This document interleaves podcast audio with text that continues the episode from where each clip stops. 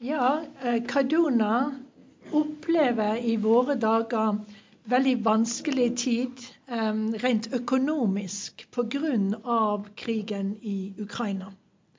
Det er en veldig prisstigning som gjør uh, at for mange er det vanskelig å møte de daglige kravene. Folk er sultne, de er trøtte, og de er sårbare. Jeg sa allerede at folk rundt pastor Efraim de er fattige. De har lite. Så i hans kirke, der 65% er fattige, pluss en del til, så sier han at de fleste nå i denne tida, de spiser bare ett måltid om dagen.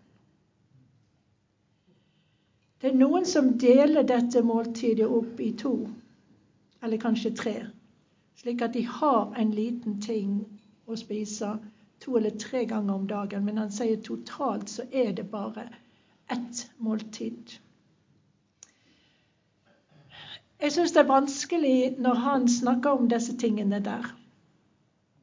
Jeg spør har, har du mat til din familie med fire gutter og kone pluss, pluss.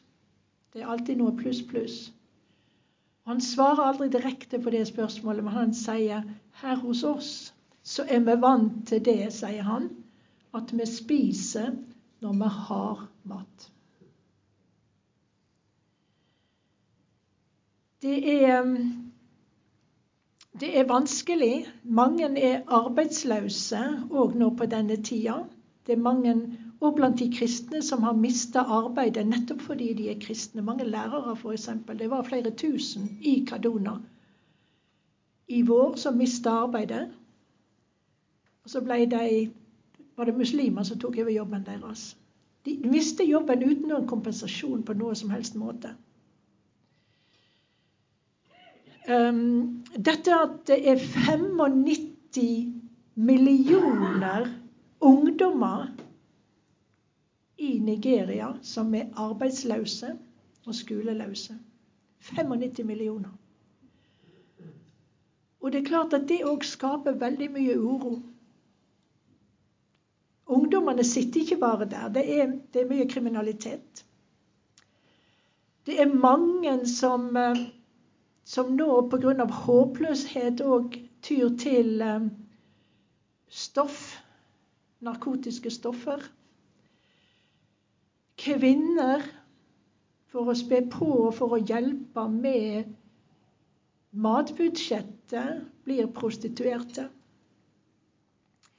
Det er veldig mye vondt som, som, som dette skaper, den situasjonen.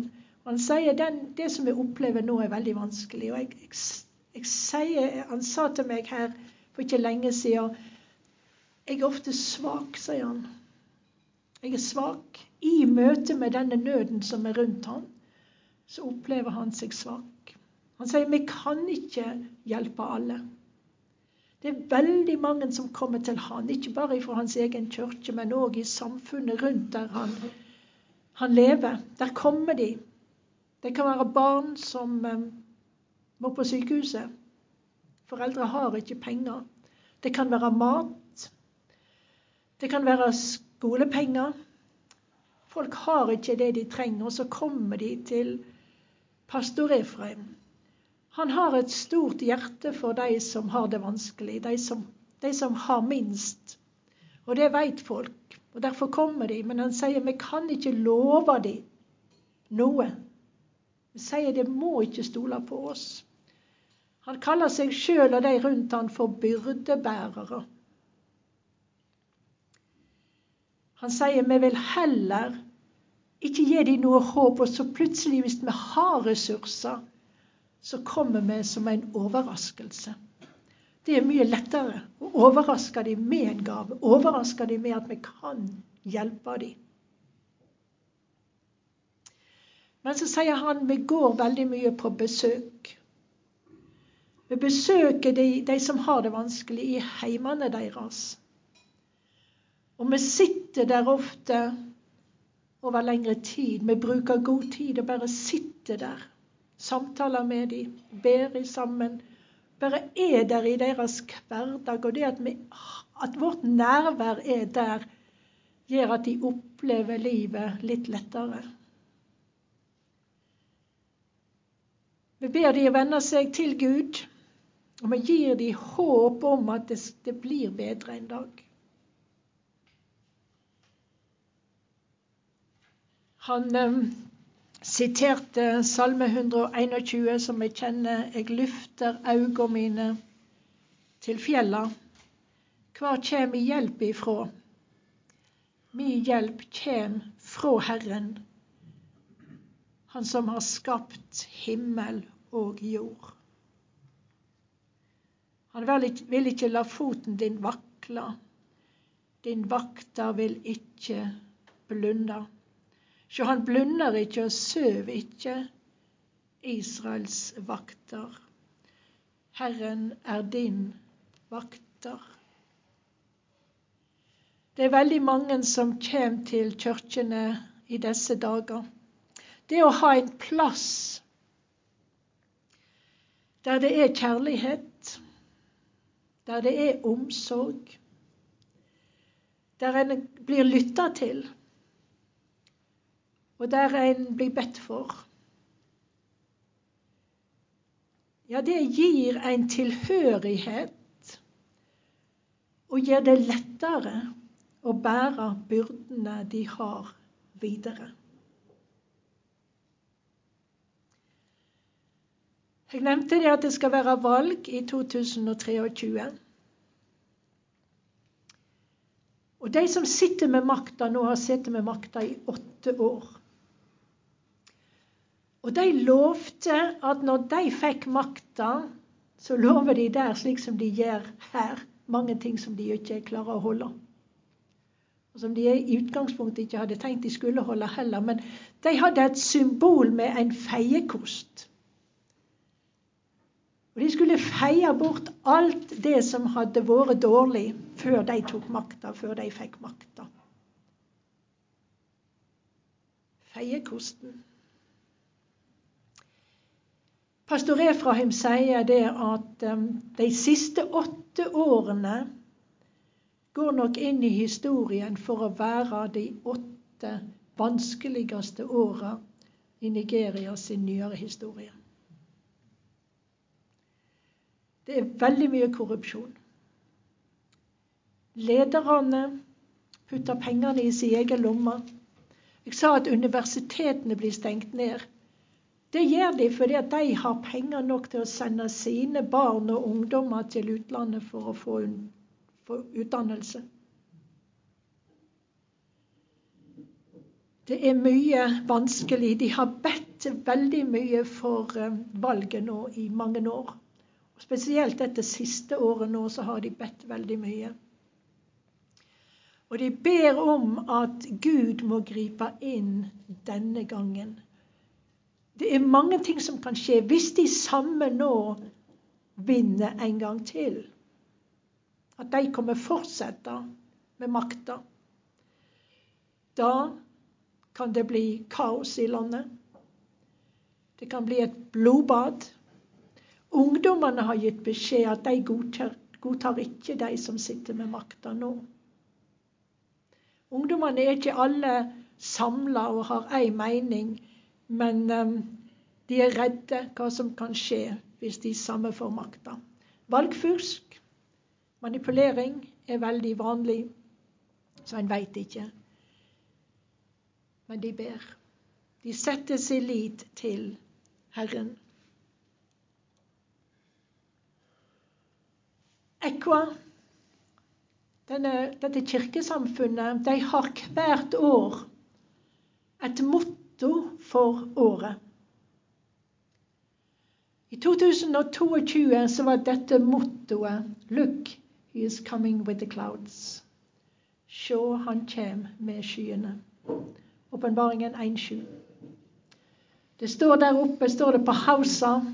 I Nord-Nigeria så er det Hausa som blir eh, snakka, selv om det er mange forskjellige grupper og språk.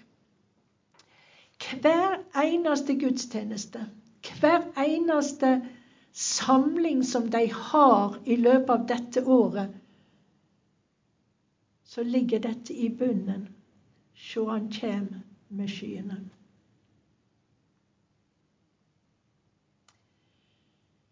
Det er mange ting der i Nigeria når en snakker om hva, talene, hva prestene taler om. Pastor Efraim sier at vi taler inn i livene, inn i situasjonen til de som sitter der, som vi taler til. Dette gir håp til de de taler til. Det er ikke en flukt fra situasjonen nå, men det gir et håp. Vi bærer lidelsen nå, for det kommer en dag. Jesus vil komme igjen. De leser òg Johannes' åpenbaring gjennom dette året. De bruker òg tekster som forklarer mer ifra Johannes' åpenbaring. Sjå, han kjem med skyene. Håpet ligger der at Jesus skal komme igjen. Og så står det helt nede til høyre 'Year of my reward'. Jeg vil ha lønna mi med meg. Det skal bli Det skal få noe igjen. Han kjem med lønna når han kjem igjen. Pastor Efraim sier i denne tida, når folk har det så vanskelig, så ser vi at vi må feire det som kan feires. Vi må feire de som er de svakeste hos oss. Jeg har nevnt enkene. For en tre uker siden nå så hadde de enkenes, enkenes i veka. De hadde fokus på enkene. Onsdag, torsdag, fredag så hadde de møter spesielt for enkene. Andre òg i menigheten kunne komme og, og være tilhørere. Men det var spesielt for enkene. De hadde fått et ektepar, pensjonert ektepar. Pensjonister, ja. De hadde begge vært uten sin partner. Kona nå i dette nye ekteskapet hadde vært enke i tolv år. Mannen i to. Nå kom de og var med og var hovedtalere. Mannen talte onsdag, torsdag, fredag på møtene der, der han snakka om enker i, i Bibelen. Han snakket om Naomi hvor fantastisk mor og svigermor, ikke minst, hun var. Hun var enke. Dattera hennes, døtrene hennes var òg enker. Ruth, som står i Jesus i slektsliste, var enke. Han snakka om Anna i tempelet. som tjente Hun hadde vært enke i veldig, veldig mange år, men hun, hun var i tempelet hele tida. Tjente Gud. Og som så Jesusbarnet og visste her er Messias. På tre møter så talte de om enker i Bibelen. På søndag var det fest for enkene på søndagsmøtet. De hadde sydd klær til de alle sammen. Mange av disse var, er fattige. De, noen av dem er så traumatiserte at de kan ikke fungere i samfunnet. De blir bedt for. Ja, Vi går tilbake til lørdagen, for det, her er bildet fra lørdagen. Da er det kona som snakker. Da var det bare enkene som var der, ikke andre fra menigheten. Og kona fortalte og delte åpent og ærlig om sitt liv, tolv år som enke. Om gleder, men òg om sorg. Og om smerte. Dette åpna opp for enkene som satt der og hørte på. Han sa, pastor Efraim, de gråt. Det åpna opp, så de begynte å dele. Når hun var ferdig, så begynte de å dele om sin smerte, sin sorg. Møtet skulle være to timer, men de ble ikke ferdig. Det ble fire timer. Feire de som har det vanskelig, de som er de svakeste. Har vi tenkt på det i vår sammenheng, å feire de som aldri har vært feira noen gang, slik som disse enkene?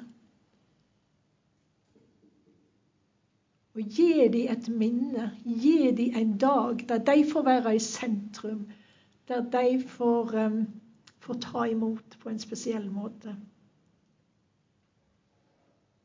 Det var nesten 450 på den gudstjenesten der den dagen, inkludert barna. Bare to uker før dette så feirer de alle over 70 år. De gamle. Alle over 70 år. Menn og kvinner. Det var 40 stykker. De ser de har like klær alle sammen. De òg fikk klær. Menn og, menn og, kvinner fikk samme type klær. Hadde ikke det vært noe i Kristkirka? Gått ut på, i, på Nesttun og ellers rundt omkring? Mennene der går med sånn tunika og bukser, da, så det er ikke noe sånn stort problem. Men du ser det er masse glede her. Av de 40 så var det 17 av enkene hørte òg til denne gruppa, så de fikk to fester på kort tid. De hadde noen, invitert noen pensjonerte prester til å komme og være med den dagen. Én talte. De andre to var med og, i forbønnshandlingene den dagen, der de ba for disse 40. Det var en bursdagsfeiring for alle over 70 år. De hadde aldri vært feirt før. De hadde aldri hatt noen bursdagsfeiring i sitt liv. Men i kirka ble de feira og tatt vare på. Den dagen var det 639 stykker på gudstjenesten. Det var jo mat, og de visste ikke det på forhånd at det var mat, men de var heldige i ei vanskelig tid. Det var ei, ei, ei kvinne fra en annen menighet som hun hørte om dette, denne festen for de over 70, så sa hun da skal vi ha kake. Jeg skal, jeg skal ha ei skikkelig kake, ei stor kake. Og jeg skal sørge for at de får middag. Og slik ble det. Det kom nok mange flere, eller de, de fikk ikke plass inne i kirka. De måtte ut og få sånne canvaser og sette opp ut forbi. Det var ikke alle som fikk plass under det heller, for det kom så mange. Og jeg spurte om jeg hadde det mat til alle da. Så sa han at nei, det var nok en eh, Vi hadde antagelig omtrent nok til 90% av de som kom. Når folk blir glade, sier pastor Efraim, så gir de, gjør de de rette tingene i livet. Når folk opplever at de ikke er alene, og når de har, når de har det vanskelig, så er det lettere å bære en vanskelig hverdag. Jeg er ikke alene. Det er lettere å bære det som er vondt. Jeg må fortelle òg litt mer om um, Ja, her er det en kar som heter sjeik Sani Haliro. Når han var 14 år gammel bare, så ble han rekruttert til Boko Haram. Der han lærte å drepe, å skyte og brenne hus og kirker og hva det måtte være. Han uh, utvikla seg raskt og etter hvert som han ble eldre, så fikk han lederansvar. Han hadde bl.a. bin Laden som sin mentor. Han har mange liv på sin samvittighet av sine landsmenn. I 2012 ble denne mannen frelst. Gud møtte han. Han ble en kristen.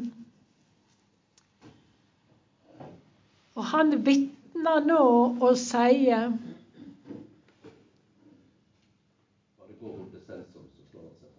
ja.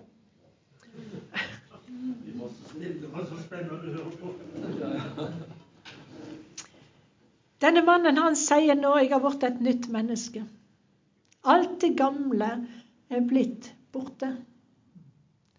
Jesus har gitt meg et nytt liv. Denne Jesus som jeg hata og forfølgte i 44 år.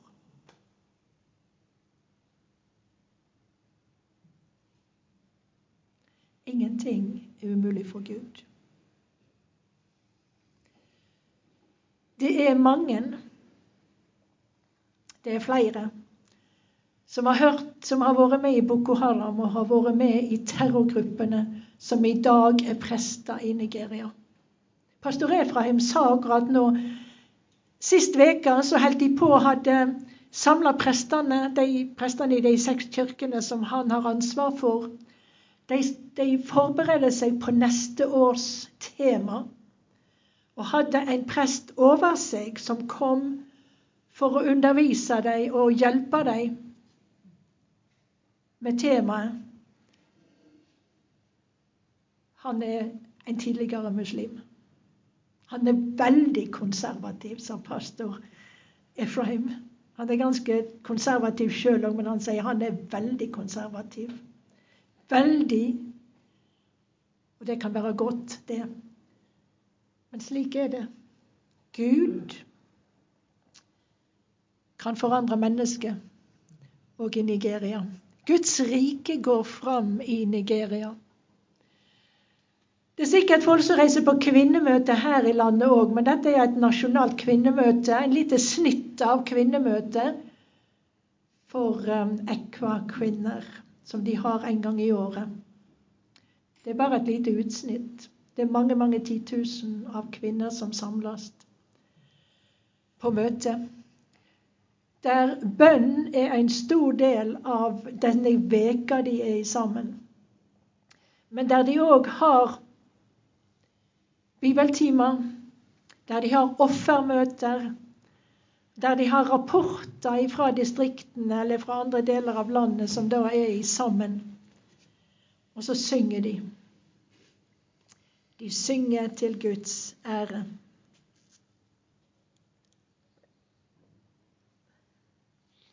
En gang i året så har de vekkelsesmøter. Da samles de i disse seks kirkene og har vekkelsesmøte. Og de hadde i mai nå. Og jeg spurte pastor Efraim hvem er målgruppa for denne vekkelsen, for disse møtene de skal ha. Og så sa han vi er alle i målgruppa. Med prestene, de eldste, menighetsmedlemmene. Er alle i målgruppa. Vi har så lett for å bli sløve. Vi har så lett for å gli bort. Vi trenger å bli vekt opp igjen å komme tilbake til dette nære forholdet med Gud. Vi er alle i målgruppa. Det kom over 1100 på hvert av møtene, disse tre dagene de hadde møter. De hadde flere talere. Den første dagen så var temaet for alle talerne Sjå, han kjem med skyene. Den andre dagen var temaet 'Vær rede til å ta imot Jesus når han kommer'. Den tredje dagen var temaet 'Hva er det som drar oss bort ifra Gud'? Den dagen hadde de En av de talte den dagen, talte om bitterhet. Bitterhet. Altså Når du er i en sånn, har en sånn livssituasjon som disse som har med folk, familie, i familien, i nabolaget, venner, som plutselig er borte, som blir drepte. Mange familier som opplever mange som blir drepte. Hvorfor, Herre? Hvorfor meg? Hvorfor oss? Bitterhet. Han sa, pastor Efraim, etterpå de snakket konkret om synd, andre, andre, altså synd òg på det møtet. Han sa det, det var en sånn god konferanse. Det var så mange som kom for å få hjelp. Det var mye synsbekjennelse. Det var mange som trengte å be om tilgivelse fra Gud, fra hverandre. Det var en så godt møte.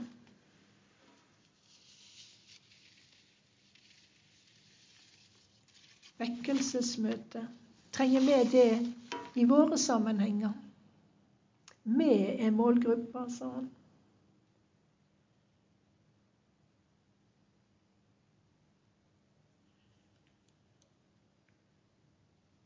Det er mye bønn jeg har snakket om. det. det er mye, altså Guds ord er viktig, og bønn er viktig. Nå i september i år så brukte alle kirkene igjen i sammen to dager, to morgener, til å komme sammen for bønn. Fredag møttes de fra klokka sju til klokka åtte eller ni i ei kirke og var der og ba i sammen. De ba for byen. De ba for valget. De ba for myndighetene. De ba for seg sjøl, for trygghet. De ba for alt som måtte være der. Neste dag, på lørdag, da hadde de allerede valgt ut tolv porter. Porter inn til spesielle institusjoner eller steder der de skulle be neste morgen klokka seks. Fra klokka seks til sju. Den dagen, den morgenen, da var det småregn. Men det kom over 1000 stykker for å være med på den bønnestunda ute i byen. Der de sto ved tolv porter. De gikk ikke imellom dem, de, de, valgte en port som de ville gå og be for. eller be. Og det var med porter inntil der som myndighetene hadde sine kontor, eller har sine kontorer. Det var til skoler. Det var til sykehus.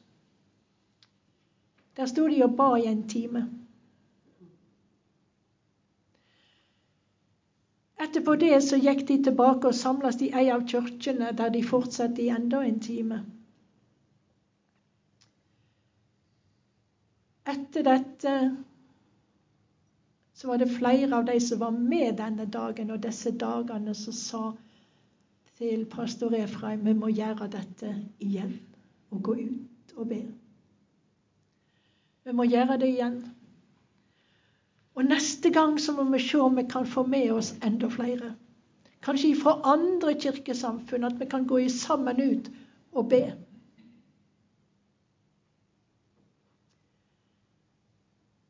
De ber. De stoler på Gud. Det er den eneste de har å stole på. Gud er med oss. Pastor Efraim sier ofte vi trenger Gud hele tida. Vi trenger Han hele tida. Og så sier han bønn når langt. Bønn når langt. Bønn når til plasser der vi ikke kan komme. Vi kan be for Nigeria. Vi kan be for valget nå i februar. Vi kan be for de som lider nå i Nigeria som er sultne, som er slitne, som er sårbare. Bønn når langt. Akkurat nå, onsdag, torsdag, fredag og i morgen, er det høsttakkefesten. De har ikke bare én dag til høsttakkefest, men de har ei uke. I morgen er det avslutningen på den veka, høsttakkefesten.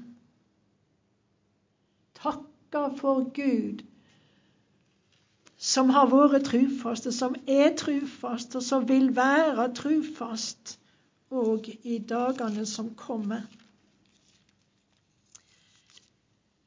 En dag så fikk jeg ei melding fra pastor Efraim en morgen. Og det var ifra Salme 116, vers 12 og 13. Han sa jeg har eh, Disse to versene der ifra denne salmen har vært i mitt hjerte over natta nå. Der står det Hva skal jeg gi Herre natt for alt det gode Han gjør? Hva skal jeg gi Herre natt for alt det gode Han gjør? Jeg løfter frelsens beger og kaller på Herrens navn. Har vi noe som jeg kan takke Herren for? Alt det gode Han gjør mot oss. Pastor Efraim sier det er en styrke for oss å vite at det er noen som ber for oss. Vi trenger forbønn nå mer enn noen gang. Vi har ei vanskelig tid nå. Og så til slutt Pastor Efraim og familien, deres vitnesbyrd til oss er Gud er trufast. Gud er trufast. Det er den erfaringen de har på Gud i ei vanskelig tid, i et vanskelig liv. Gud er trufast. De har ei tru på Gud som tåler livet. Amen.